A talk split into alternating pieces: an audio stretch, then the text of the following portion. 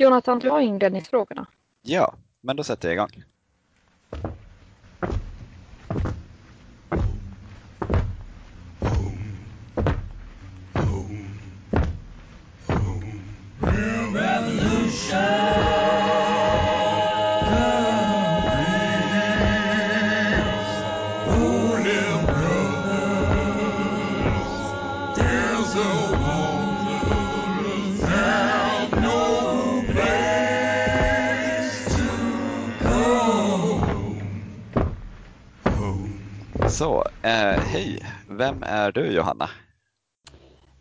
Hejsan! Eh, jo, Johanna heter jag och jag är eh, eh, förbundsordförande för en organisation som heter EKO. Och det är en ekumenisk organisation för kristna hbtq-personer. Är det någonting mer jag ska berätta? Jag kan ju berätta vad jag gör. Alltså när jag inte är förbundsordförande, för det är ju på, på ideell basis, så studerar jag till präst och bor i Göteborg. Hur långt har du kvar till att bli präst undrar jag? Eh, ett år ungefär, mm. om allt går som det ska. Har du så här, har man typ AT-tjänst som präst när det är ett år kvar? Ja, precis. Eh, eller det är första året efter prästvigningen så, så har man ett missivår heter det. Så då får man mm. Då blir man placerad i en församling som tar emot den och så får man arbeta första året under med, med handledning och så. Och inte en eh, full tjänst så att man ska komma in, komma in i det på ett bra sätt. Kul. Eh, vi vill prata lite mer om så, eko eftersom att vi antar att eftersom att du sitter och är förbundsordförande i eko så har du stenkoll på allt som har att göra med hbtq-community i, i kyrkorna i Sverige. Eh, vi bara antar att du kan allting. Nej men, Nej, men jag tänker att eh, du är en bra person att kolla. Vi, vi är nyfikna på att veta hur det ser ut liksom, för eh, hbtq-communityt i kyrkorna. Eh, mm. Eh, finns det andra rörelser och så grupper än eko och, och samarbeta med varandra? Eller hur ser det ut? Ja, eko är ju den helt klart största eh, organisationen för eh, om man pratar organisationen just för hbtq-arbete eller hbtq-personer i i den kristna sfären i, i Sverige. Vi är den enda organisationen, tror jag också. Sen finns det såklart eh, lokala initiativ. Det finns ett eh, hbtq-läger för unga i Västeråstrakten tror jag. Eh, och det finns en queerförsamling i, i Stockholm och så. Så det finns lite, lite olika. Men, men annars är Eko den enda som är en ekumenisk eh, landstäckande förening för kristna hbtq-personer och, och allierade. Eh, och Eko har funnits sedan slutet på, eh, ska vi se, är det, nu, nu tappar jag årtalet här så jag vågar inte gissa årtalet. Men Eko har fyllt 40 år.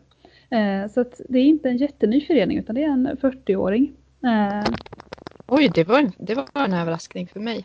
Jajamän. Men är det, hur ser det ut i de olika samfunden? Är Eko liksom 40 år i Svenska kyrkan eller vet du när det typ, hur, hur ser den skillnaden ut?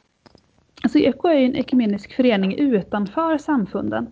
Mm. Ehm, sen har vi i Eko såklart genom historien haft mycket samarbete med framförallt Svenska kyrkan. För att det har varit där som vi har varit välkomna. Ehm, men Eko i sig står utanför eh, samfundet utan är en ekumenisk förening. Ehm, för, för oavsett vilket samfund man kommer från eller om man är helt utan samfund. Eh, och vi har medlemmar från liksom, hela kristenheten och även strax utanför det som räknas till kristenheten i Sverige. Får jag skjuta in en följdfråga? Mm. För jag tänker eh, när du säger att eh, Svenska kyrkan har varit det samfund där eko har varit välkomna. Eh, vad menar du med det? Jag menar att det är många som eh, har trott att eko varit en del av Svenska kyrkan. För till exempel i Göteborg så har vi till exempel fått låna Svenska kyrkans lokaler eh, under ganska lång tid. Eh, för till exempel gudstjänster och sådana saker. Ehm, så att Men... det Va? Mm. Ja, förlåt, jag avbröt dig, men jag trodde du var klar. Eh, men har det liksom betytt att ni inte har känt, eh, eller att Eko inte har varit välkommen i andra kyrkor? Just nu så är vi det. Här i Göteborg som, där jag bor och den ekoförening som jag är aktiv i så är, så är vi inbjudna både till Svenska kyrkan men också till Ekumeniaförsamlingar och har ett väldigt Eh, gott samarbete kring, kring mässor och gudstjänster och, och, eh, och an, an, andra olika typer av, eh, av samarbeten. Så. Och även andra församlingar.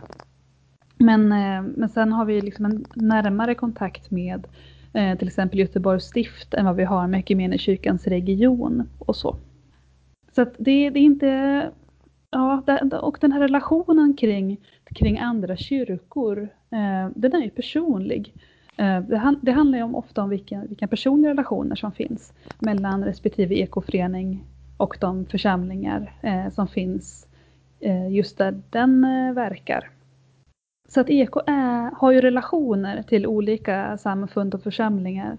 Men EK är ju självständigt. Jag vet mm. inte, det känns som um, det är någonting som är oklart. Nej, jag tycker att det blir ganska tydligt. Och det är väl bara naturligt att det finns närmare kopplingar till de platser och, och kyrkor och grupper som är inbjudande och välkomnande mot, mot den. Så, men det är bra att tydliggöra för, för lyssnarna varför, varför det ser ut så kanske. Ja, så vi tillhör ju ingen kyrka mer än någon annan. Mm. Eh, utan Eko tillhör ju sina egna medlemmar. Och Ekos egna medlemmar kommer ju från Svenska kyrkan, från Equmeniakyrkan, från Pingstkyrkan, från EFK. Det finns avhoppade Jehovas, det är personer av, av judisk tro, det finns personer som har lämnat kyrkan och lämnat sin tro. Eh, det, så Eko rymmer ju alla de perspektiven. Eh, mm. Det lät som att eko, förutom att vara ekumeniskt, även är lite... Nu tappar jag ordet, men vad är ordet för när man samarbetar in över religionsgräns? Interreligiöst, precis. Um, ja, jo det är också en sån här en, en fråga. Jag, jag, skulle inte säga att eko är eller inte religiöst. Um, men, alltså, men samtidigt så är ju alla välkomna som medlemmar om man står bakom ekos värdegrund och det eko står för. Uh, mm. Och som det är nu så finns det finns såklart eh, liksom sammanhang och communityn inom, liksom, inom judiska sammanhang och även muslimska sammanhang i Sverige. Men det finns ingen organisation, vad jag vet i alla fall. Mm. Och då finns det personer, enskilda personer som är medlemmar eh, i EKO. Men sen mm. är ju såklart, eh, vi skulle ju vara väldigt glada om det uppstod eh, hbtq-föreningar för, för andra eh, religiösa grupper. Och skulle gärna vilja vara kompisar med de, förening, de föreningarna också. Mm. Vad fint. Vad bra, då vet vi lite mer om, om eko. Um, men vi undrar också lite, alltså rent um, generellt kring hbtq-personers ställning i kyrkorna. Um, hur, hur nuläget ser ut. Och då funderar vi mest på så här, finns det några konkreta segrar som hänt liksom i närtid som går att peka på. Uh, och om det är några frågor som liksom med det problem som är extra aktuella och som ni kämpar med just nu. Och där kan du få svara både för eko om du vill eller kanske ur något annat perspektiv med om du känner för det. Yes. Ja, men om, eh, jag tänker att en, att en viktig sak som har hänt eh, senaste åren som också Eko varit med och drivit det är ju eh, något som heter regnbågsnyckeln. Att det började 2016 Eh, nej, 2013 så var det Svenska kyrkans eh, kyrkomöte som tog beslut om att någon form av hbtq-utbildning måste finnas eh, in, inom Svenska kyrkan. Och sen hände det inte jätte, så mycket på ett par år. Det var lite olika samarbeten men det blev ingenting. Eh, men sedan så var det Eko och Sensus tillsammans med några församlingar i Växjö stift och Växjö stift som tog fram eh, Regnbågsnyckeln som är en processmodell för hbtq-frågor Eh, i församlingen. Och, och den arbetas med, med eh, nu för att kunna ja, regnbågsmärka en, eh, en församling. Att här eh, så finns det ett aktivt arbete för att inkludera hbtq-personer. Och när det kommer till frikyrkliga, frikyrkliga perspektiv och sammanhang så, så kom det en bok förra året som eh, heter Välkomna varandra. Och den boken så var det flera personer som är medlemmar i Eko. Eh, bland annat jag och eh, eh, Eko Göteborgs ordförande Anders och andra personer som är, engagerade i Eko som var med och skrev i olika delar av den boken. Och den boken har ju satt igång väldigt viktiga samtal i, i många frikyrkliga miljöer, särskilt Equmeniakyrkan och EFK. Och den fortsätter att vara väldigt viktig. Och det som är så fantastiskt med just den boken Välkomna varandra, det är att den är skriven inifrån eh, den frikyrkliga gemenskapen.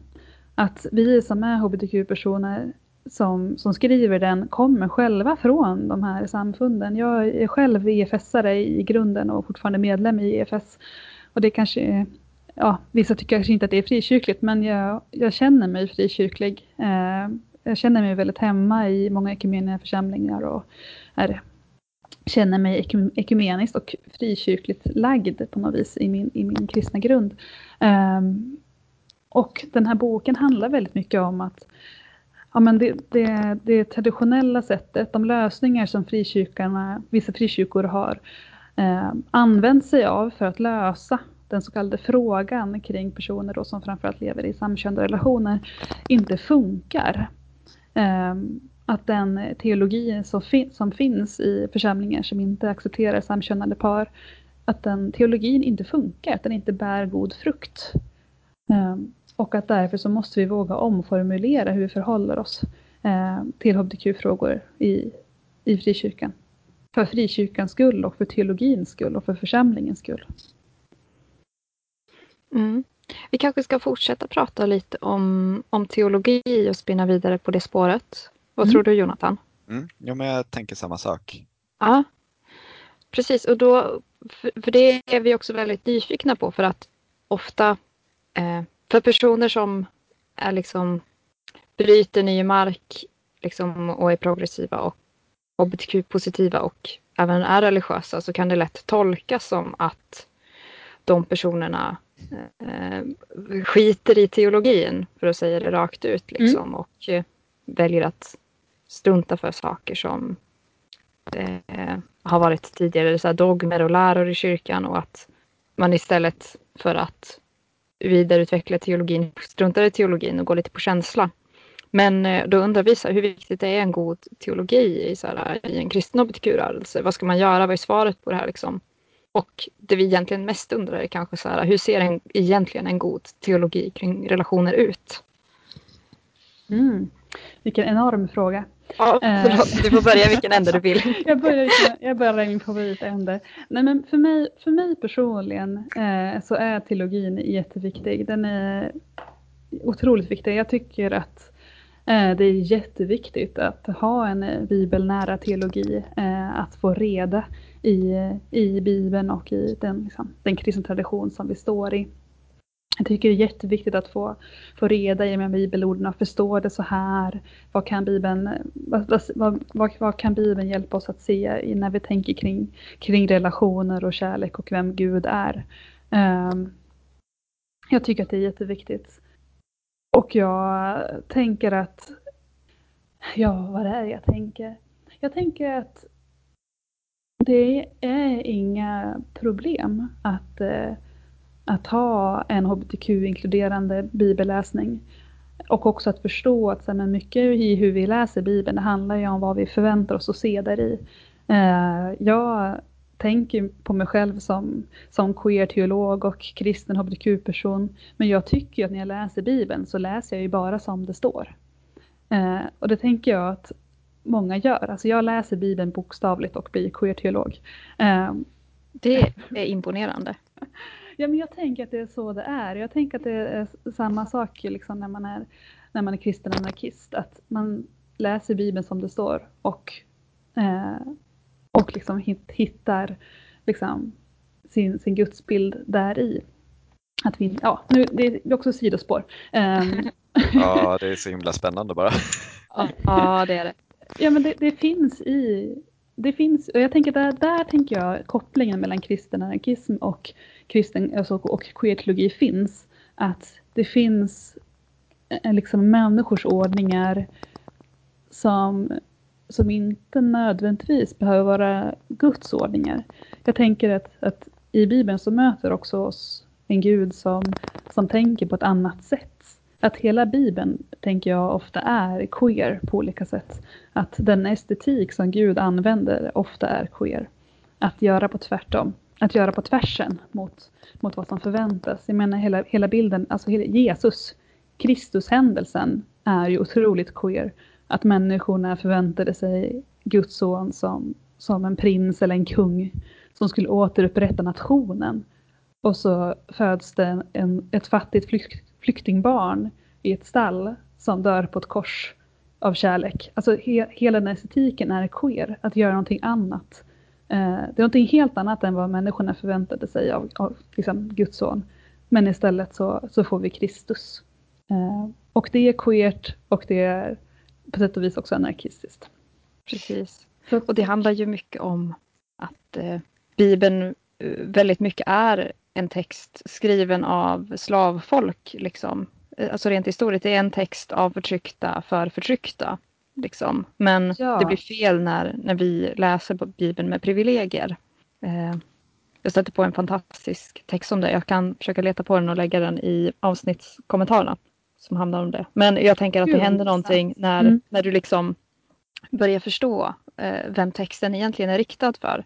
För då kanske, och det kanske är därför som du som queer-teolog och kan, kan se de här sakerna. För att det, det talar till dina erfarenheter och till den värld du känner. Eh, och ja. Ja. Det är ett perspektiv som kyrkan behöver få, få i, tillbaka i ansiktet igen. Liksom. Mm.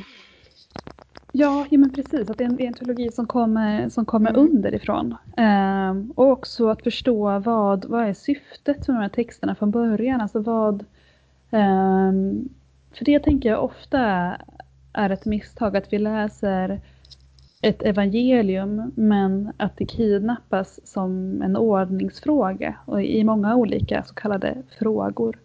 Ehm, och när det kommer till till specifik koetologi eller verser som har varit viktiga för, för kristna hbtq-personer genom hundratals, kanske tusentals år, så finns ju de.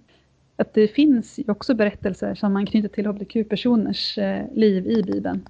Det är kanske ett av de, en av de vanligaste exemplen är relationen mellan David och Jonathan i eh, första, eller första eller andra Samuelsboken. Ja, det, det kan visa sig om man bläddrar. Men i första eller andra Samuelsboken. Berättelsen mellan David och Jonathan som har varit viktig för kristna homosexuella män i hundratals år, kanske tusentals år, vi vet inte. Och vi kan inte svara på vilken typ av relation som, som David och Jonathan hade. Det enda vi kan, det enda jag säger att vi kan veta säkert, det är att om det hade varit en berättelse om eh, David och prinsessan Jonna så hade vi alla gånger läst den som Bibelns egen Romeo och Julia. Då hade vi läst den som den omöjliga kärleksrelationen och så hade vi läst den på, på vigslar och vi hade liksom, eh, då hade de som sagt att äktenskapet bara är för man och kvinna, då hade de också älskat den texten. Eh, för det, den har en så tydlig förbundstanke utifrån kärlek. Mm. Och, den och framförallt eh, därför att det, när det kommer till äktenskapsteologi i Bibeln så finns det så otroligt lite. Alltså den, det som brukar vara någon slags konservativ äktenskapssyn finns ju inte i Bibeln. Den, är ju, den stöttar upp sig själv med lite olika bibelverser och så. Men man kan inte säga att det är samma, samma syn på äktenskapet. För det kristna kärleksäktenskapet där det handlar om ett förbund som ingås av kärlek som bekräftas inför Gud och som ska efterlikna eh, Guds kärlek. Och där äktenskapet inte är heligt som institution, men det är heligt för att det är avskilt, en avskild typ av relation. Det finns inte i Bibeln. Eh, det gör ju inte det. Utan de, det, det finns ju några kärleksrelationer som eh, där två personer som är namngivna svär en ed till varandra av kärlek och trohet. Och det är ju David Jonathan. Och så är det Rut och Nomi i Ruts bok. Och, det, och, Rut, och relationen mellan Rut och Nomi har ju också varit jätteviktigt för kristna, lesbiska och queera personer. Och återigen, vi har ingen aning om vilken typ av relation de hade. Men texten har varit jätteviktig för kristna hbtq-personer genom otroligt lång tid. Eh, det var ju ett sätt att se, se sig själv och, också sitt eget liv i, i bibeltexten. Men eh, jag tänker ändå, eh, vi får se om vi tar med det i slutändan, men jag tänker ändå att det skulle vara intressant, nu ska vi inte gräva ner oss i liksom teologifrågorna, men eh, både liksom ett eh, anarkistiskt perspektiv på Bibeln eller ett queert perspektiv på Bibeln möter ju motargumentet att en liksom väljer och vrakar texter som passar en syften. Eh, där mer konservativ syn kanske skulle vara att Bibeln liksom ska läsas som, som någon slags enhetlig text. Eh, mm. Som inte har några självmotsägelser utan då, då måste man liksom hitta bortförklaringar till de motsägelser som finns. Eh, hur ser du på den typen av bibelläsning? Alltså jag tänker att, eh, att, att säga att man läser Bibeln som det står och att andra inte gör det och att det finns en tolkning. Jag tycker att, jag tycker att det är lite tråkigt för jag tycker att det är väldigt respektlöst mot själva Bibeln. För jag tänker att Bibeln i sig, så som, så som den är uppbyggd och också så som eh, i, i kristna och den judiska traditionen, hur den har lästs, så är det ju en skiktad text. Att det finns ju skikt av otroligt många olika eh, aspekter i varje bibeltext samtidigt. Både den historiska och den symboliska och andra teologiska frågor men också att bibeltexten är en levande text. Alltså Bibeln skulle inte ha något värde om den inte förmådde att, att nå enskilda personer. Förstår du vad jag menar? Att det finns otroligt många eh, skikt i varje bibeltext eh, plus, le, plus den levande relationen. Eh, och om man säger att Bibeln är som någon slags facit eller kan, mer en juridisk bok, då tappar man ju det teologiska per definition Eh, tänker jag. Och att vi alla, eh, alla kristna läs, läser ju Bibeln med, med sina egna glasögon. Och jag förstår inte varför det klassiskt kristna skulle vara någonting som oftast är ungefär 50-60 år tillbaka i tiden. För det är ofta dit, dit ungefär, ungefär man vill. Liksom. För att det, det, de, de som tycker att det finns en sanning i Bibeln går ju inte tillbaka till någon medeltida teologi eller till en antik teologi. Utan det är någonting annat man vill åt. Det är en ganska rädd, räddhågsen teologi. Ja men precis. Jag, jag, eller, eller, så är det en, eh, en samhällelig berättelse som slår igenom på fler. Jag menar det är ju samma period som rasister och fascister talar om liksom, med, med glimten i ögat. Så att det kanske är mer utav en samhällsnostalgi. Ja men precis, det är liksom någon sorts längtan tillbaka till någonting som egentligen aldrig har funnits. Mm. Um, och också vad som är klassisk kristen tro. Jag läste en artikel av KG Hammar bara för någon vecka sedan som publicerades i, i Korsvägen och Kyrkans tidningar. Um, där han pratar om den här, um, den här spänningen mellan det normativa och mysteriet i kristendomen. Och att den har alltid funnits liksom.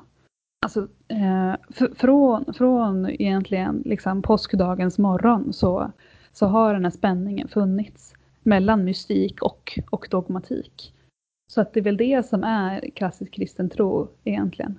Att mm. varken vara i det ena eller andra utan att vara någonstans där i spänningen. Kristen tro är ju fantastiskt mycket paradoxer liksom. Man bara tittar på trosbekännelsen. Nu blir jag väldigt teologisk, förlåt. Men, men det, den är full av paradoxer. Hur man ser på gudsbilden också. Tre och en samtidigt och sånt. Eh, men det ligger något vid. Men jag tror att vi ska gå, försöka gå lite vidare. Eh, men inte riktigt. Och det är för att vi funderar lite kring hur samtalet om utifrån så här, en teologi om relationer och så. Hur ser samtalet om tvåsamhetsnormen ut i eko? Och då tänker vi lite på så här, singelskap, sexualitet och polyamori.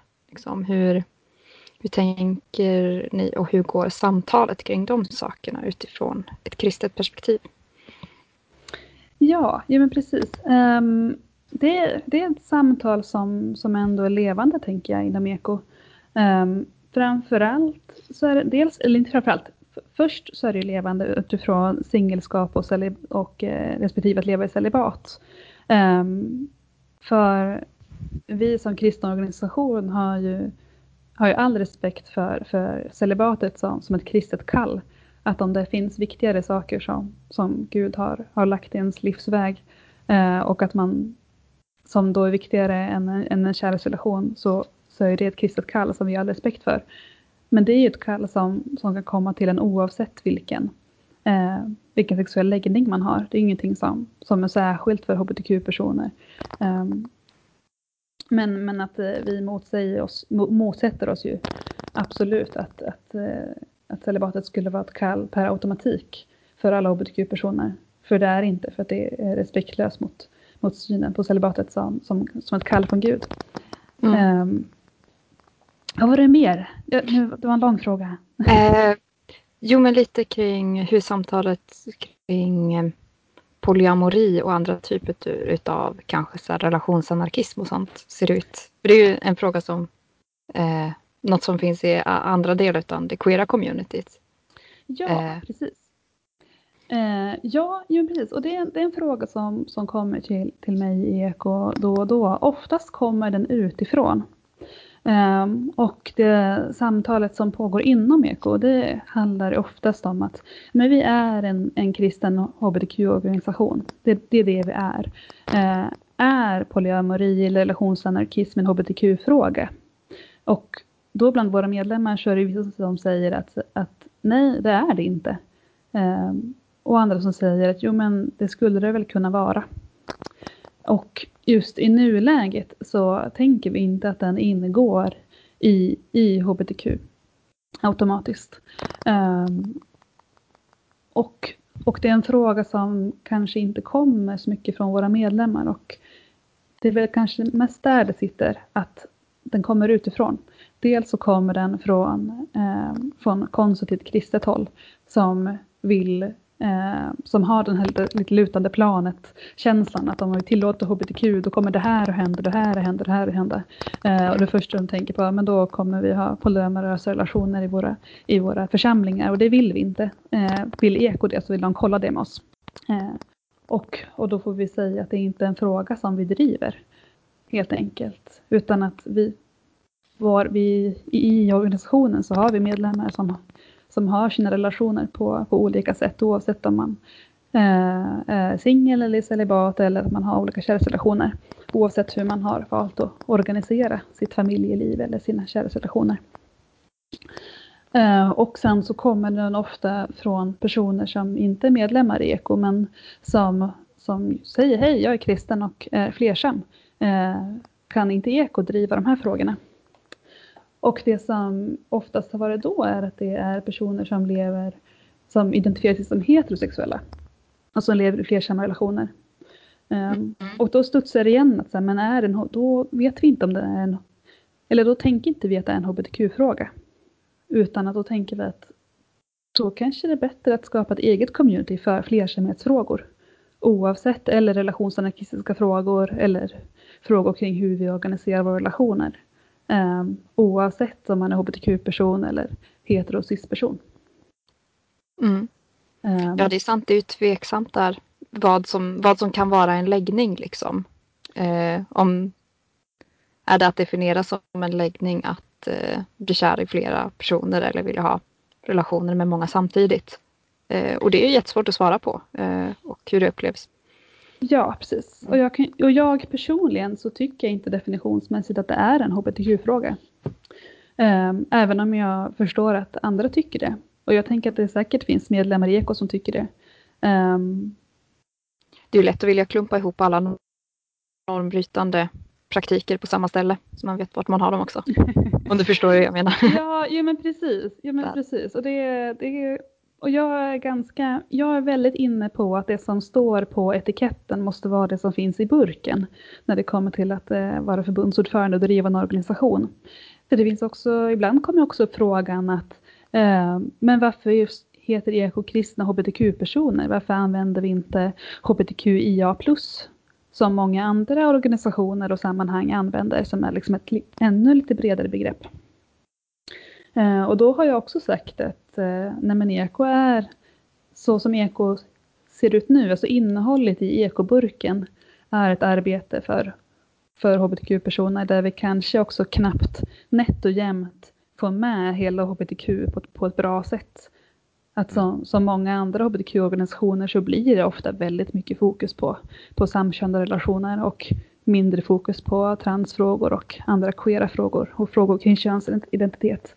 Så att vi kämpar ju på rätt bra om att bara försöka få hbtq, eh, att, att vi tar hbtq på allvar och att alla medlemmar som är hbtq-personer oavsett vilken bokstav som man identifierar sig med ska få plats på eko på samma villkor. Eh, om man då i så fall också lägger till IA+, som står för intersex och eh, aromantiska eller asexuella, så då, då för mig väcker det frågor. Vad händer om man, är, om man bara skriver om på etiketten men inte förändrar i det som faktiskt finns i burken? Då måste det finnas en, en beredskap för att personer som identifierar sig som, som asexuella eller aromantiska, eh, också personer som är intersex, verkligen får plats inom eko. Och det måste man kunna ha en beredskap för och kunna garantera om man ska säga att man är en sån organisation. Och det är väl där jag tycker att vi inte är än. Det låter som en klok hållning. Ska man vara inkluderande på riktigt så är det ju inte bara för att tillfredsställa den som frågar och den som tycker att en borde upp, uppdatera sina bokstäver. Ja, ja men precis. Och det, jag brukar också tänka så eh, när jag använder hbtq som begrepp i största allmänhet. Att att kanske inte heller, att till och med inte heller an, använda hbtq om det enda jag menar är samkönade relationer. För då kan jag säga homosexuella eller samkönade relationer.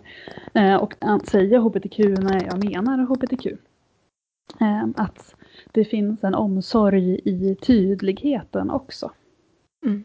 Mm. Och sen så, sen är ju EK också en demokratisk förening. Eh, och jag vet att det finns personer som identifierar sig inom just IA plus eh, begreppet som, som är medlemmar.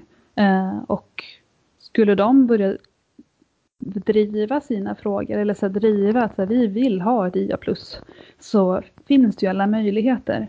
Eh, men jag tycker inte att det är min, min roll som förbundsordförande att bara ändra en, en, definition eller ändra ett namn eller vad som ingår i, i hbtq utan att ha kunskap om vilket ansvar medför det. Mm.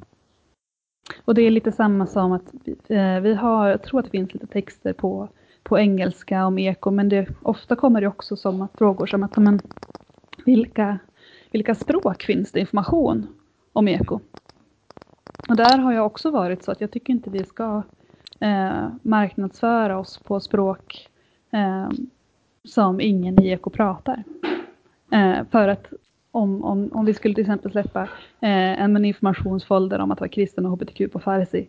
Eh, om, om jag då skulle prata farsi så, så ger det en signal om att det finns plats för eko för mig. Eh, och då sen komma på en gudstjänst och bara, nähä, jaha, nej det gjorde inte det, det är ingen som förstår, förstår mitt hemspråk. Förstår ni inte vad jag är ute efter? Att, att bara mm. att ändra i ord eller att skapa en tillgänglighet som inte är rotad i föreningen. Så ger man ju bara ett sken av en tillgänglighet. Mm. Jag tänker att det är samma som i, i kyrkor. Vi får ibland frågan vad krävs det för att sätta upp en hbtq-flagga eller vad krävs det för att sätta upp en prideflagga, en regnbågsflagga i vår församling? Behöver man ha något tillstånd på något sätt? Och, och, det behöver man ju inte, men vi brukar säga att man funderar igenom vad, vad det är ni vill säga med den flaggan. Um, vilken typ av bemötande kan man som hbtq-person förvänta sig att få i er församling om ni har den uppe? Um, och brukar jämföra det som att, ja men fundera, ni vet sådana här eh, gröna vita skyltar som sitter ut ovanför nödutgångarna. Mm. Att om man sätter upp dem så måste det betyda någonting. Det måste betyda att det finns en nödutgång där. För att de gör ingen nytta bara att man har satt upp dem. Mm. På samma sätt så måste det finnas ett, ett samtal om hbtq-frågor om man sätter upp mm. en prideflagga.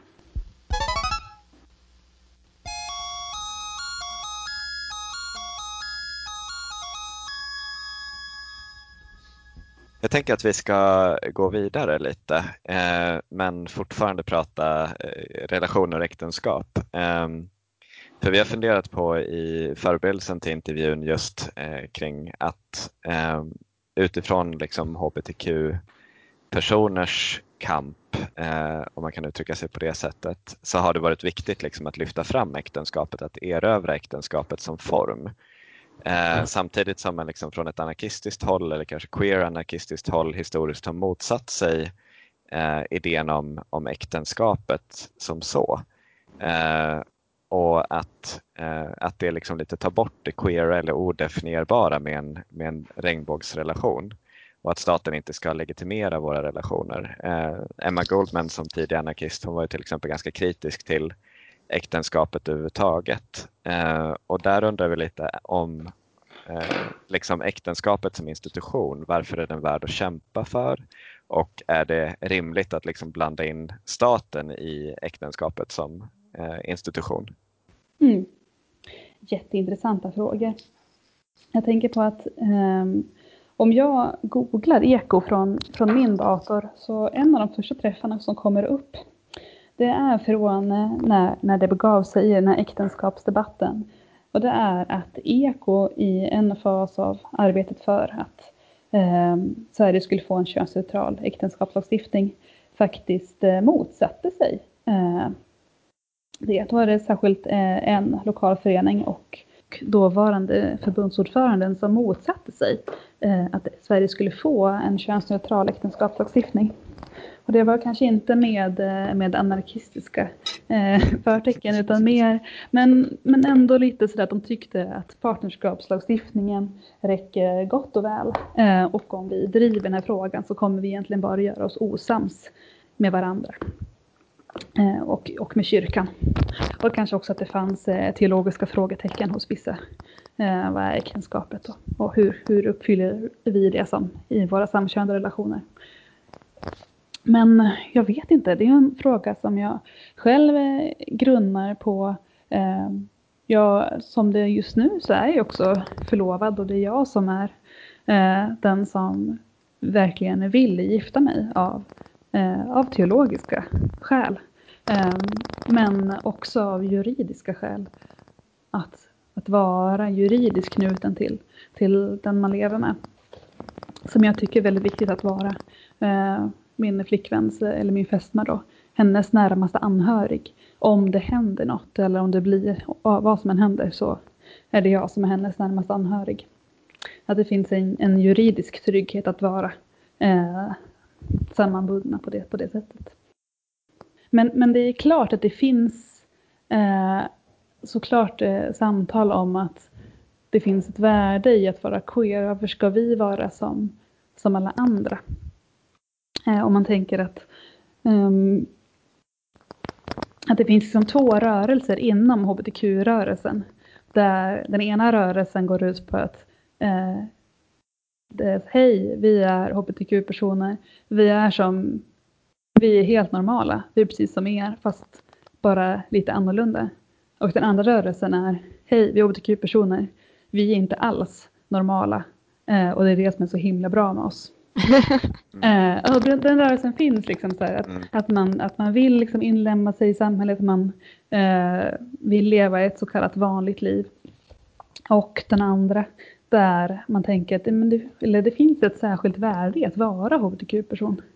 Att det finns ett särskilt värde i, i det sätt som hbtq-personer organiserar sig eh, och bygger upp, upp sina nätverk.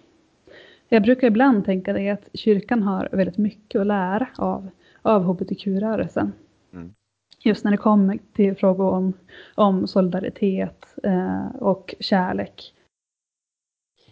Det skulle kunna finnas en parallell där också mellan just att kanske en mer liberal form av eh, hbtq-rörelsen som eh, vill ha liksom lika rättigheter och icke-diskriminering och trygghet på lika villkor och kanske en lite mer anarkistisk del av eh, hbtq-rörelsen som vill liksom kämpa för normernas upphävande på något sätt. Ja, absolut. Precis. Ja, den här kampen om Pride som, som pågår, jag vet inte om ni märker av den, men den pågår tänker jag varje år mellan de här två strömningarna. Eh, att, tycker man att det är fantastiskt att det finns regnbågsmuffins på, på 7-Eleven eller tänker man att vad ska vi med regnbågsmuffins till när vi deporterar hbtq-personer till andra länder? Eh, att, att om man har ett, ett, ett maktkritiskt perspektiv eller inte. Eh, vi är på väg dit i vår intervju också, mm -hmm. så det var ju spännande att du föregick det. Men jag tänker jag ska ändå skjuta in en fråga om just eh, du nämnde teologiska skäl för din egen del att vilja gifta sig. Alltså jag är gift själv men, men jag tycker att så här, äktenskapets teologiska grund är ganska vacklande. Och, eh, sen blir det en dubbelbottnad fråga men också så här, om det finns en konflikt mellan att vara kristen och liksom mer flytande, queera, odefinierbara relationsformer. Mm. Um, vill du, vill du upprepa frågan? Ja, alltså så här, teologiska eh, skäl till äktenskapet. Alltså du nämnde att du hade tänkt mm. så själv. Men också om en person som är kristen, alltså är det liksom mer eh, Bör eh, relationerna vara definierade eller finns det också en öppning för mer queer eller flytande relationsformer? Vilken himla intressant fråga. För för jag tänker att äktenskapet Ja, när, när jag hör personer som säger att äktenskapet är instiftat av Gud så tänker jag, nej, det, det är väl att, att dra saker lite för långt. Eh, för jag tänker att äktenskapet i sin grund ändå är en, en juridisk överenskommelse som, som kommer ur att man vill, ja men blod och jord egentligen. Eh, att det handlar om, om egendom och släktskap och att vi har valt, att vi har organiserat eh, Eh, relationer på det viset. Oavsett om man är kristen eller ej. Ehm, och jag tänker också på när Jesus förbjuder skilsmässa i, i Matteus evangeliet 19. Att de här tolkningarna som finns om att, eh, att äktenskapet också är till för att skydda kvinnor till exempel om att, i heterorelationer. Um, som jag tänker man också ska ha med sig, men att det är en, en juridisk överenskommelse. Och då förtydligande att skydda kvinnor kan ju låta lite märkligt eftersom att, eh, att vara gift med en man är något av det farligaste en kvinna kan, kan göra. Liksom. Eh, men då betyder det ju skydda i ekonomisk bemärkelse. Ja, ja men precis. Uh, ja, och jag är verkligen med på det. Men också utifrån ett, ett, ett, ett antikt perspektiv. Att eh, under det första århundradet i, i, i det antika medelhavsområdet så var det säkert också väldigt farligt att vara gift med man. Eh, men kanske ännu farligare att vara lämnad eh, av sin man mm. och inte ha någonstans att ta vägen. Eh, så jag tänker att det är i, det samhället som, Jesus talar om, om skilsmässa. Jag tänker inte att det är i någon slags 1950-tals konservativ äktenskapsteologi. Liksom. Jag tror inte det. Men det här är jätteintressant att, att fundera på vilka möjligheter som, som krist, den kristna tron liksom ger oss till att ha fria relationer. Um, för jag tror att det finns någonting i det. Uh, jag tror att församlingen är den nya familjen. Vad betyder det då för, för liksom våra kärleksrelationer? Jätteintressant. Jag har inte tänkt på de frågorna, känner jag. Uh, men vill gärna göra det mer. Jag satt faktiskt på ett seminarium igår i skolan och då vi pratade om, om samkönade relationer och att och det är andra, mina klasskamrater som också ska bli präster, um, att prata om att ja, men, om man kan tänka sig att viga samkönade par och just i den här lilla gruppen så, så kunde alla det. Men att det var just den som uttryckte så att ja, men, det, det känns så orättvist att, att, att, att, uh, att bara bli beskylld för att syssla med mänskliga rättigheter, inte teologi. Men att hon kände att så här, men jag har inga argument, vad ska jag tänka?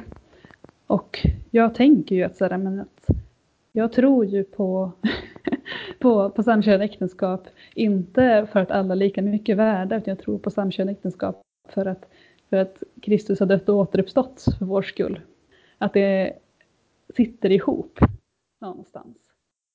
Det är, en, det är en fråga som gnager lite i mig också när det gäller just att se eh, församlingen som, eh, som familj.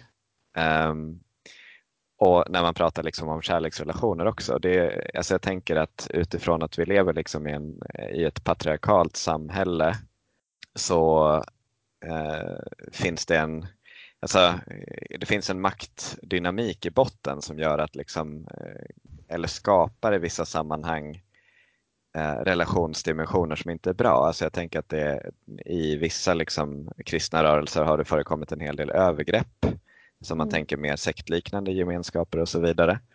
Och att det kan finnas en, en konflikt där. Sen vet jag att det är ganska farligt också för att det finns en historia av att liksom likställa homosexualitet med pedofili till exempel som ett sätt att, eh, att smutskasta personer som har en icke-normativ sexuell läggning. Mm. Men eh, förstår du vad jag menar och har du några tankar kring det? Nej. Nej, men vi hade en av de kristna anarkistiska förebilderna, John mm. Howard Yoder, eh, som har skrivit en bok som heter eh, eller Förebild är fel ord, men en förgrundsgestalt som har skrivit en bok som heter Krist, eh, Jesus politik till exempel. Han gjorde sig eh, han begick ett antal övergrepp liksom, i sin mm. församling. Och där eh, jag tänker den typen av personer. Eh, han hade väl också en del han hade väl också en del teologier kring eh, så här, enskildas, alltså där han blandade så här, sexualitet och andlig praktik liksom. Eh, så att han var inne och snuddade på en del sådana så här, tankar kring sexuell utlevnad i församlingsmiljö liksom. Mm. Eh, och sånt.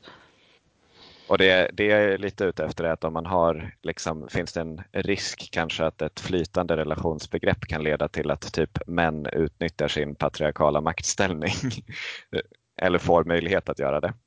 Ja, ja nu förstår jag. Eh, också jätteintressant. Eh, jag har själv ingen eh, egen erfarenhet av det, men, men jag vet ju andra som pratar om eh, queera posörer, eller vad man ska säga som, som oftast är eh, personer som, som i alla fall kanske, kanske inte identifierar sig som heterosexuella men, men som i sitt uttryck ofta verkar som heterosexuella män, där man får, får vissa fördelar eller kommer undan med saker. Eh, bara för att eh, man har ett, ett, annat språk att tala om det. Eh, och det, det gör mig ju eh, beklämd. Liksom. Eh, för jag tänker att de som kritiserar till exempel queerbegreppet med att ja, men om allt kan vara normkreativt eller allt kan vara normkritiskt så, så då kan man göra vad man vill och, och då, vem kommer fara illa då och så. Det jag tänker om, om queer och alternativa, alternativa relationer det är ju att man får ju aldrig tappa det maktkritiska. Att jag tänker att det är det som Nej. måste vara nyckeln. Liksom, att tappar man det maktkritiska eh, då har man i princip tappat allt. Och då kan det som var menat att, att bygga upp plötsligt missbrukas för att, för att bryta ner. Sen är det lätt att eh, deraila i den här frågan och tänka att eh, flytande, det så, kan såklart betyda vad som helst men i väldigt många fall så finns det också tydliga överenskommelser. En öppen relation är ofta mycket mer väldefinierad än, mm. eh, än monogam. Eh, I de bästa fallen liksom. Eh, mm.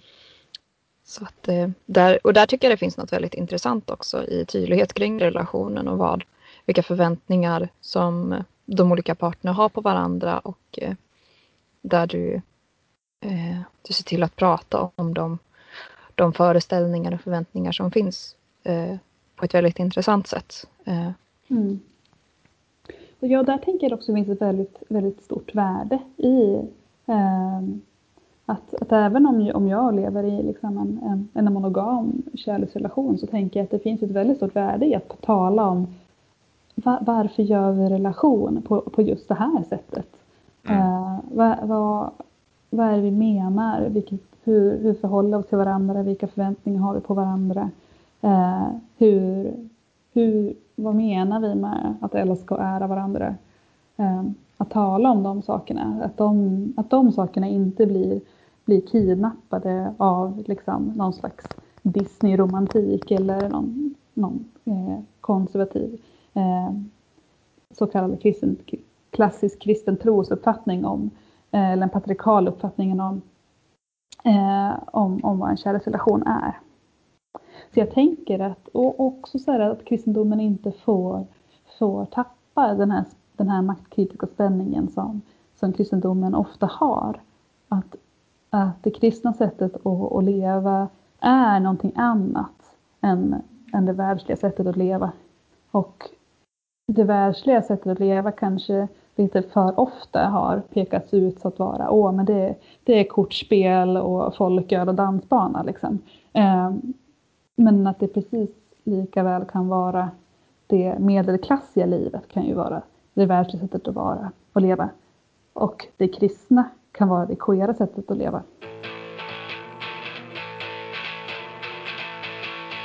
För jag, tänkte, jag såg chansen här att hoppa på vårt nästa block med frågor som vi Kör. lämnade bakom oss för ett tag sedan. Ehm, för att eh, jag funderar lite där kring just att Eko är ju en progressiv organisation inom, inom liksom den bredare kyrkan.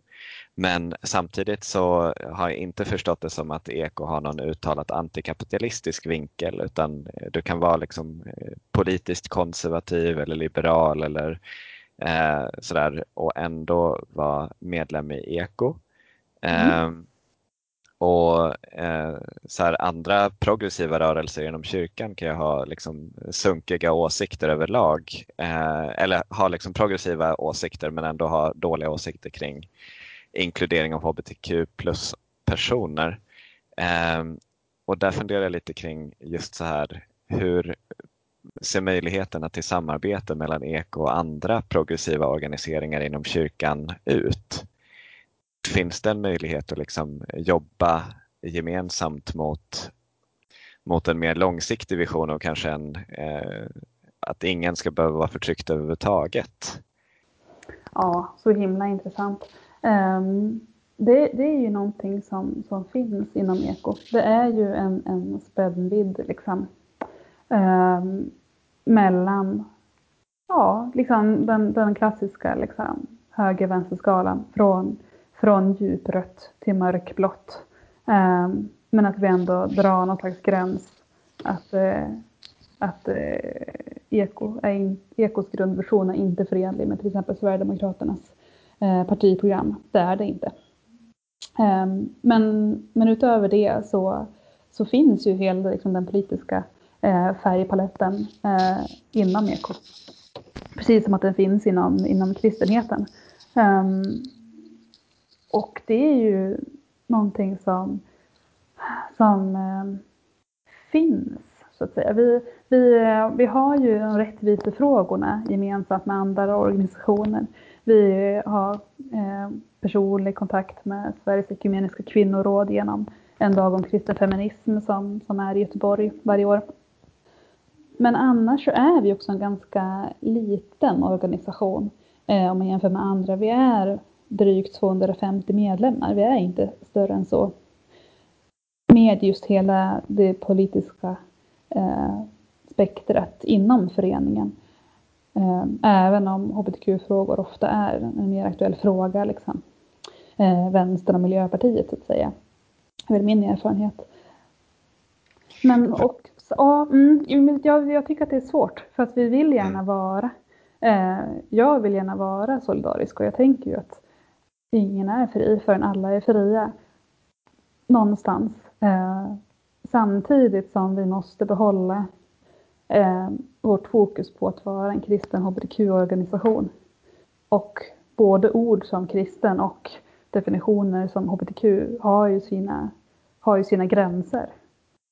Mm. Men om man tänker liksom vilka öppningar kan finnas för att samarbeta med organisationer som, som annars liksom jobbar för en, en progression eller typ den kristna anarkistiska rörelsen eller eh, miljörörelsen till exempel. Frågor som kanske inte är direkt rättvisefrågor men som ändå ligger många varmt om hjärtat. Ja, ja men precis. Um, det finns ju, eh, vi gör ju det ibland. Uh, jag vet att vi har stöttat, stöttat olika eh, projekt för, eh, för papperslösa och eh, asylfrågor i största allmänhet. Eh, just för eh, att, att, då är, att då går ju intersektionerna ofta ihop, att kunna se det.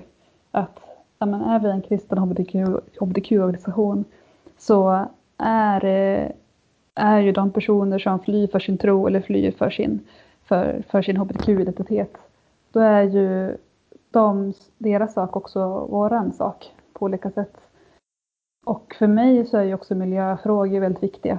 Att vi i organisationen har, jobbar med det.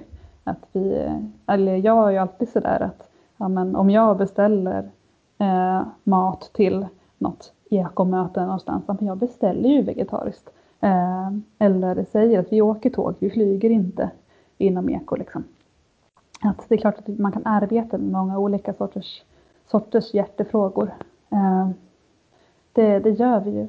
Men jag funderar också på vilka organisationer är det du tänker på? Det känns Nej, som det, att du tänker på inte, särskilt. Egentligen inte. Men det finns ju en del organisationer som, som jobbar eh, för textmiljöfrågor som God jord till exempel. Mm. Eh, vi har vårt eh, virusnätverk som är kanske inte jättedefinierat men som, som ändå lever upp ibland. Mm. Eh, och där är väl mer en allmän fråga liksom för att jag vet, eh, det finns en podcast som heter Apans anatomi och de tog upp för ett tag sedan att de eh, samlade ihop en massa rörelser. Jag tror Ung i Sverige, eh, jag vet inte, någon husockupationsrörelse, alltså lite olika så här liksom progressiva rörelser överlag för att se om kan man hitta samarbeten, kan man liksom jobba som någon gemensam plattform eller sådär. Eh, och som jag förstod det så var det ganska svårt för att eh, rörelserna, de olika rörelserna har en bredd internt också. Där eh, den här bredden internt gör att det är svårt att samarbeta med andra organisationer för att det går liksom inte att försvara mot, mot de egna gräsrötterna som kanske brinner för hbtq-frågan men som kanske inte bryr sig så mycket om miljön alla gånger. Eh, det finns ju nu säger jag inte att, att det måste finnas en sån koppling men, men man måste ju inte bry sig om miljön för att eh, man är transperson till exempel. Mm. Eh, och där finns det en svårighet. Liksom. Man skulle, jag skulle gärna se att man kunde samla alla under något fint paraply liksom, men, men det verkar ganska svårt. Ja, jag, jag tror att, ehm, jag tror att det är svårt. Ehm, jag tänker med intersektionalitetsbegreppet Alltså att alla, att alla förtryck samverkar. Liksom. Jag tänker ibland att det gör inte eh, kampen lättare, egentligen. Ehm, att tänka intersektionellt gör, gör det egentligen kanske svårare att samlas som hbtq-personer eller som kristna anarkister eller som klimatkämpar. För att om jag har till exempel, ja men i, i Eko som en kristen organisation, kristen eh, hbtq-organisation så, så kanske det finns liksom personer som, ja, men, vars hjärtefråga är att kunna vara liksom, eh, lesbisk, kristen och bankdirektör. Direktör, mm. liksom. Mm. Eh, att, man, att det är ens hjärtefråga. Att, här, åh, mina hjärtefrågor är liksom företag och mark, fri marknad och sådana saker. Och i samma organisation så, så åh, jag, jag är 16 år och transperson. Eh, och mina frågor handlar framförallt om att vi måste ta hand om vår miljö eh, och att ja, på, på, all, på alla tänkbara sätt och det är nu och det måste vara radikalt. Och då har man ju ofta olika intressen och olika livssituationer men man förenas ändå i, i hbtq-frågan. Men det finns alltid så otroligt många frågor som, som man inte står enad i. Mm. Um, det vore ju så fantastiskt om man bara kunde ha en enda stor jätteförening för alla som är vänliga och, väl, liksom, och, och vettiga i största allmänhet eh, och som vill gott för den här jorden. Men att det i det intersektionella också någonstans finns intressekonflikter även mellan personer som inte är privilegierade på alla sätt. Och det kanske är där som just Pride som vi pratade om tidigare blir så himla svårt. För att det är ju en plats där så väldigt många människor är, är samlade och det finns, eh, alltså det är ju inte bara hbtqia plus-människor som går på ett Pride-evenemang utan även personer som är välvilligt inställda eller så kallade allierade. Liksom. Och det finns många intressen representerade. Jonathan, skulle du vilja ställa den frågan? För det är du mm. som har tänkt mest kring den. Eh, du tänker på just, eh, tänker du på allierade frågan? Nej, utan den som är allra sist. om regnbågskapitalism.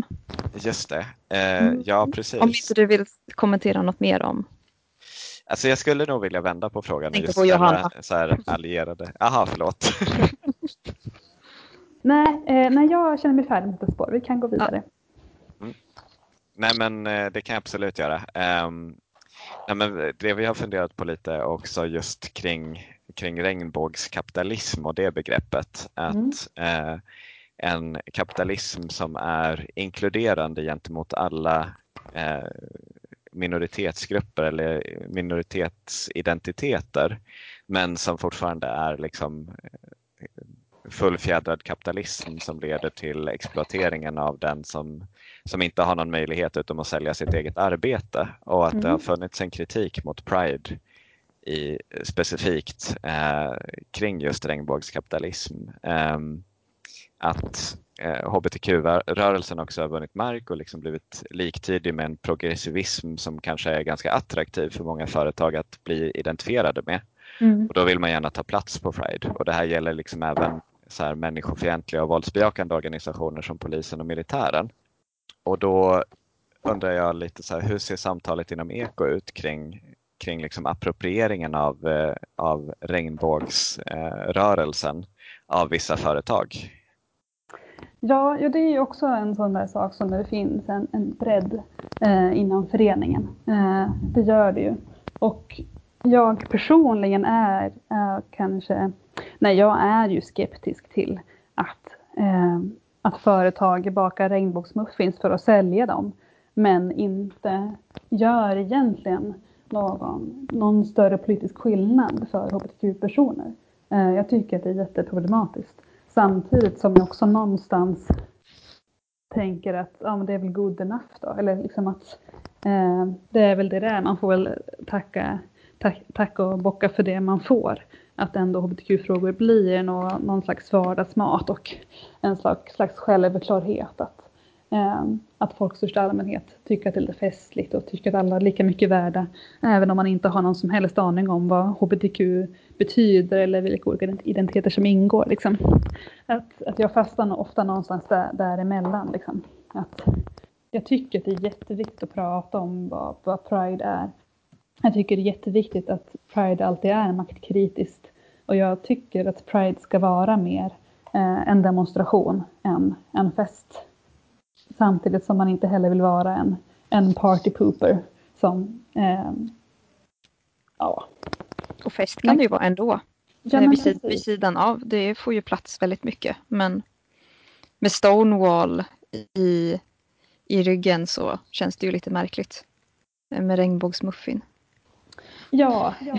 men det finns något fånigt i, eh, i regnbågsmuffins när människor dör. Liksom.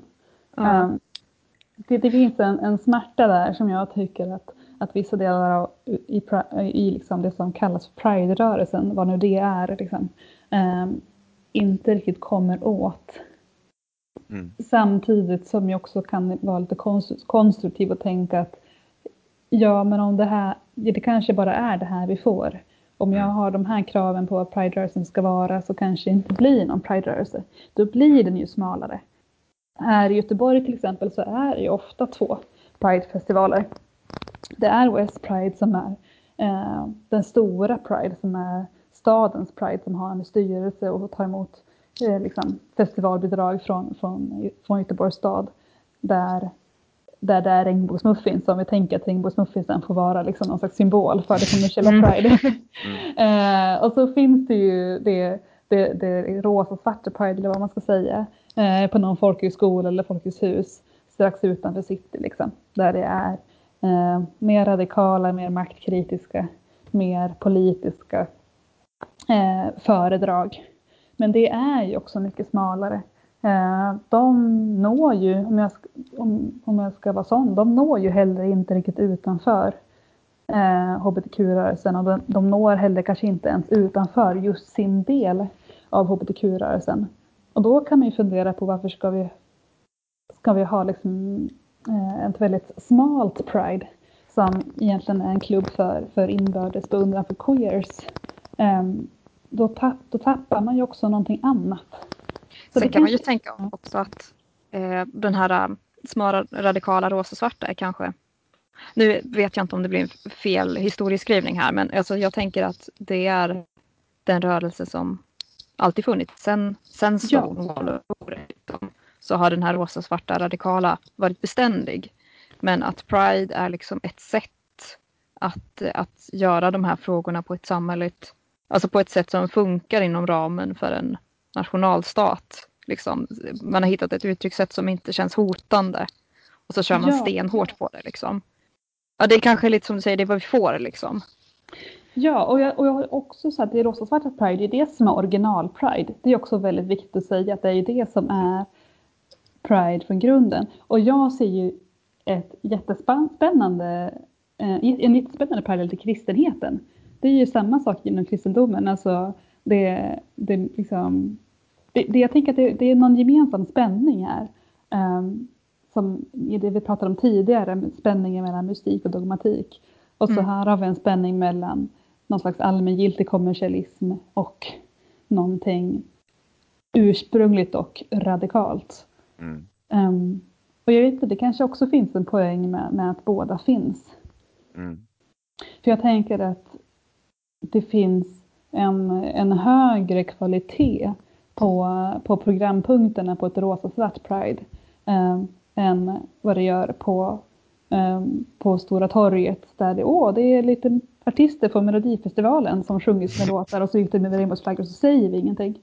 Men också någonstans så tänker jag att om man tänker att Pride är för hbtq-personer, vilken de här rörelserna får också flest eh, politiska effekter för hbtq-personers liv, så tänker jag att man inte heller ska underskatta effekterna av regnbågsmuffins och Melodifestivalen Pride. Just för att man når ut på ett helt annat sätt. Eh, och att det inte är så farligt eller det är inte så hotfullt. Och man har det här perspektivet att men vi är hbtq-personer och vi är precis som alla andra. Eh, och att det är ju också en politisk förändring som, som gynnar hbtq-personer i, mm. i båda de här olika strömningarna inom vad Pride-rörelsen är. Ja, nej, jag tänker att det finns ju också en, en spänning liksom mellan eh, den personen som kanske är eh, queer men som bara vill finnas till i samhället och den, den rätten och samtidigt liksom en, en vänsterrörelse som vill någonting mer och liksom vill ha frihet för alla. Alltså båda intressena är legitima eh, men det kan vara lite tragiskt när liksom före detta allierade blir fiender. Mm. Tänker du på något särskilt? Mm, nej, jag tänker just på, på just de här två olika tendenserna. Eller liksom, eh, personligen skulle jag tycka att det var väldigt fint om, om det rosa-svarta Pride var det som var störst. Mm. Och att vänsterns tragik kanske är att det inte är det. Liksom. Mm. Men där tänker jag att eh, rosa-svarta behöver bli mer konkreta i så här, vad gör vi, varför och vad vill vi? Och kunna mm. svara ordentligt på alla de frågorna och sen väsnas precis så mycket som det behövs. Mm. Ja. Mm. Um, vi nämnde allierade lite snabbt. Um, vad kan en person som då är ja, alldeles straight uh, göra för att vara en god allierad till hbtq-communityt? Vad skulle du säga? Ja, jag är ju förbundsordförande och för en organisation. Så mitt första svar blir ju att ja, men, bli medlem i en i en förening som, eh, som, som stöttar hbtq-personer eller som driver hbtq-frågor på olika sätt. För jag tänker att det är eh, så som, som mycket förändringen görs, att vi organiserar oss. Eh, jag tänker att det är jätteviktigt, för att är, är vi organiserade så får eh, hbtq-personer en starkare, starkare röst och, och mer att säga till om. Ehm, att många av de, av de frågor som, ehm, som har drivits för hbtq-personer har ju drivits av organisationer. Det blir inte lika skört. Ingen behöver vara en Messias om, om vi har organisationer. Ehm, att det, att det är omsorg om oss själva också. Att, att de här frågorna inte ligger på individens axlar utan, vi, utan att vi, vi, vi driver de här frågorna i gemenskap med varandra. Så det är liksom det första. Mm. Att, eh, jag vill inte egentligen komma med några så här, någon slags att göra-lista för, för individen. Utan jag tänker att men, ingå i goda sammanhang. Det, det är det första jag tänker på. Mm. Och då är det någon typ av stödmedlemskap då eller? Ja, man tänker om man då skulle till exempel vilja bli medlem i Eko så, så kanske, är man ju... Kanske det. Ja, men om man till exempel skulle vilja det så, så är man ju välkommen som medlem om man tycker att Eko gör en bra grej. Eh, vi, man behöver inte vara kristen eller hbtq-person för att vara medlem. Utan huvudsaken är att man ställer sig bakom det Eko vill och det Eko gör. Mm. Vad bra. Ja. Mm. Tack för det tipset. Och det finns ju såklart också många andra bra hbtq-organisationer som också kan vara, kan vara medlem i. Mm. Som till exempel? Ja, vilka är det som? Ja, men till exempel RFS, RFSL eller Transammans tänker jag närmast på. Eller om man går lite internationellt all out. Det är väl ganska bra också. Ja, ja men precis. Jag tror att vi är lite i avslutningsfasen nu. Mm. Är det någonting eh, som du vill ha sagt som vi har missat eller som vi vill kommentera mer på? ja, inget jag, inget jag kommer på nu, men jag hoppas jag mm. kunnat sagt någonting. Ja, det har varit skitbra, tycker jag. Jättespännande mm. samtal. Eh, har du funderat på någonting på kollekt? Ja, men jag tänker på att eh, ett bra ställe att ge kollekt till är Regnbågsfonden. Regnbågsfonden? Ja, som eh, stöttar enskilda hbtq-personer och hbtq-organisationer eh, som, som finns och verkar i världen där är allt annat än lätt att vara hbtq-person. Men eh, jättetack att du ville vara med i A-ordet. Eh, det har verkligen varit ett spännande samtal. Det här kommer vara många saker att, att fundera på. Jag tänkte också på en annan sak att nämna, att du var ju faktiskt med i Aten och Jerusalem, en podd som är lite mer teologisk än vad vi är. Mm. Eh, och där så kommer ju också lite de här, en lite mer teologisk djupdykning mm. kan man väl säga, om du håller med mig om den beskrivningen. Ja, jag har faktiskt inte själv lyssnat på avsnittet. Jag brukar Nej, inte sant? lyssna. jag brukar faktiskt undvika att, att lyssna eh, och läsa mina egna intervjuer och sådana saker. Men, alltså... jo, men, men, jag kan, men samtalet handlade ju mer, mer eh, de, ja precis, de var ju väldigt mycket mer intresserade av, av just det teologiska. Det kan man säga. Eh, jag lyssnade på det avsnittet och jag tyckte du gjorde väldigt bra ifrån dig och sen så lyckades du ändå inte övertyga dem, eh, säger de i slutet ja, i sin reflektion. Ah. Och jag förstår inte varför, eh, för jag tyckte du var väldigt övertygande i, i dina teologiska resonemang. Så att, jag, jag vill skicka med den lilla kudos-grejen. Liksom. Lyssna igen, Aten och Jerusalem. ja, men tack, det var fint att höra. Ja, nej men, eh, nej men vill man bli övertygad så måste man väl också vara öppen för det, tänker jag. jag eller jag tänker så här att det finns ju liksom en hangar av, eh, av teologiskt tankegods för att inte inkludera hbtq-personer i, i sin teologi. Och så finns det en annan hangar som är full av teologiskt tankegods för att inkludera hbtq-personer i sin teologi.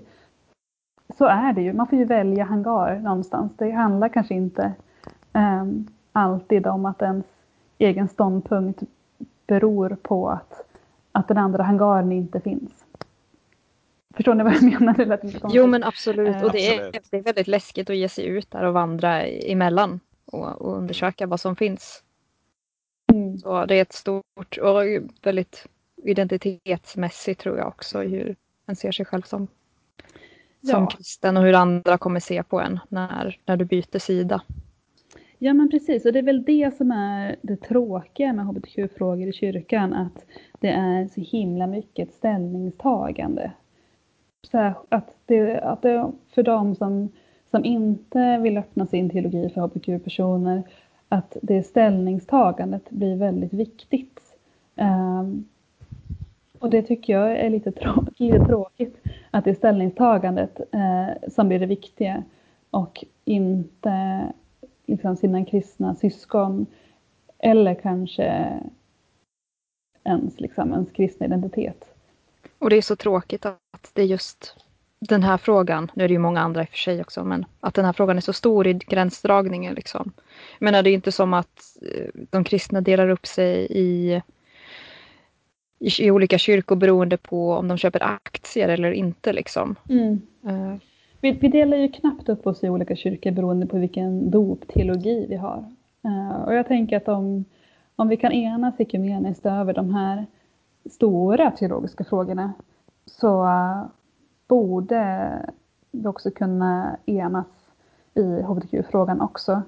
Men det kräver faktiskt att man förstår att, att, människor, att människors varande är överordnat människors åsikter. Där har vi en det är briljant... Det är någonstans dit vi måste komma. Ja, väldigt fina sista ord. God put a rainbow in the sky rainbow in the sky, rainbow in the sky. Oh God, put a rainbow in the sky, rainbow in the sky, rainbow in the sky. It looked like the sun wasn't gonna shine no more. Children, God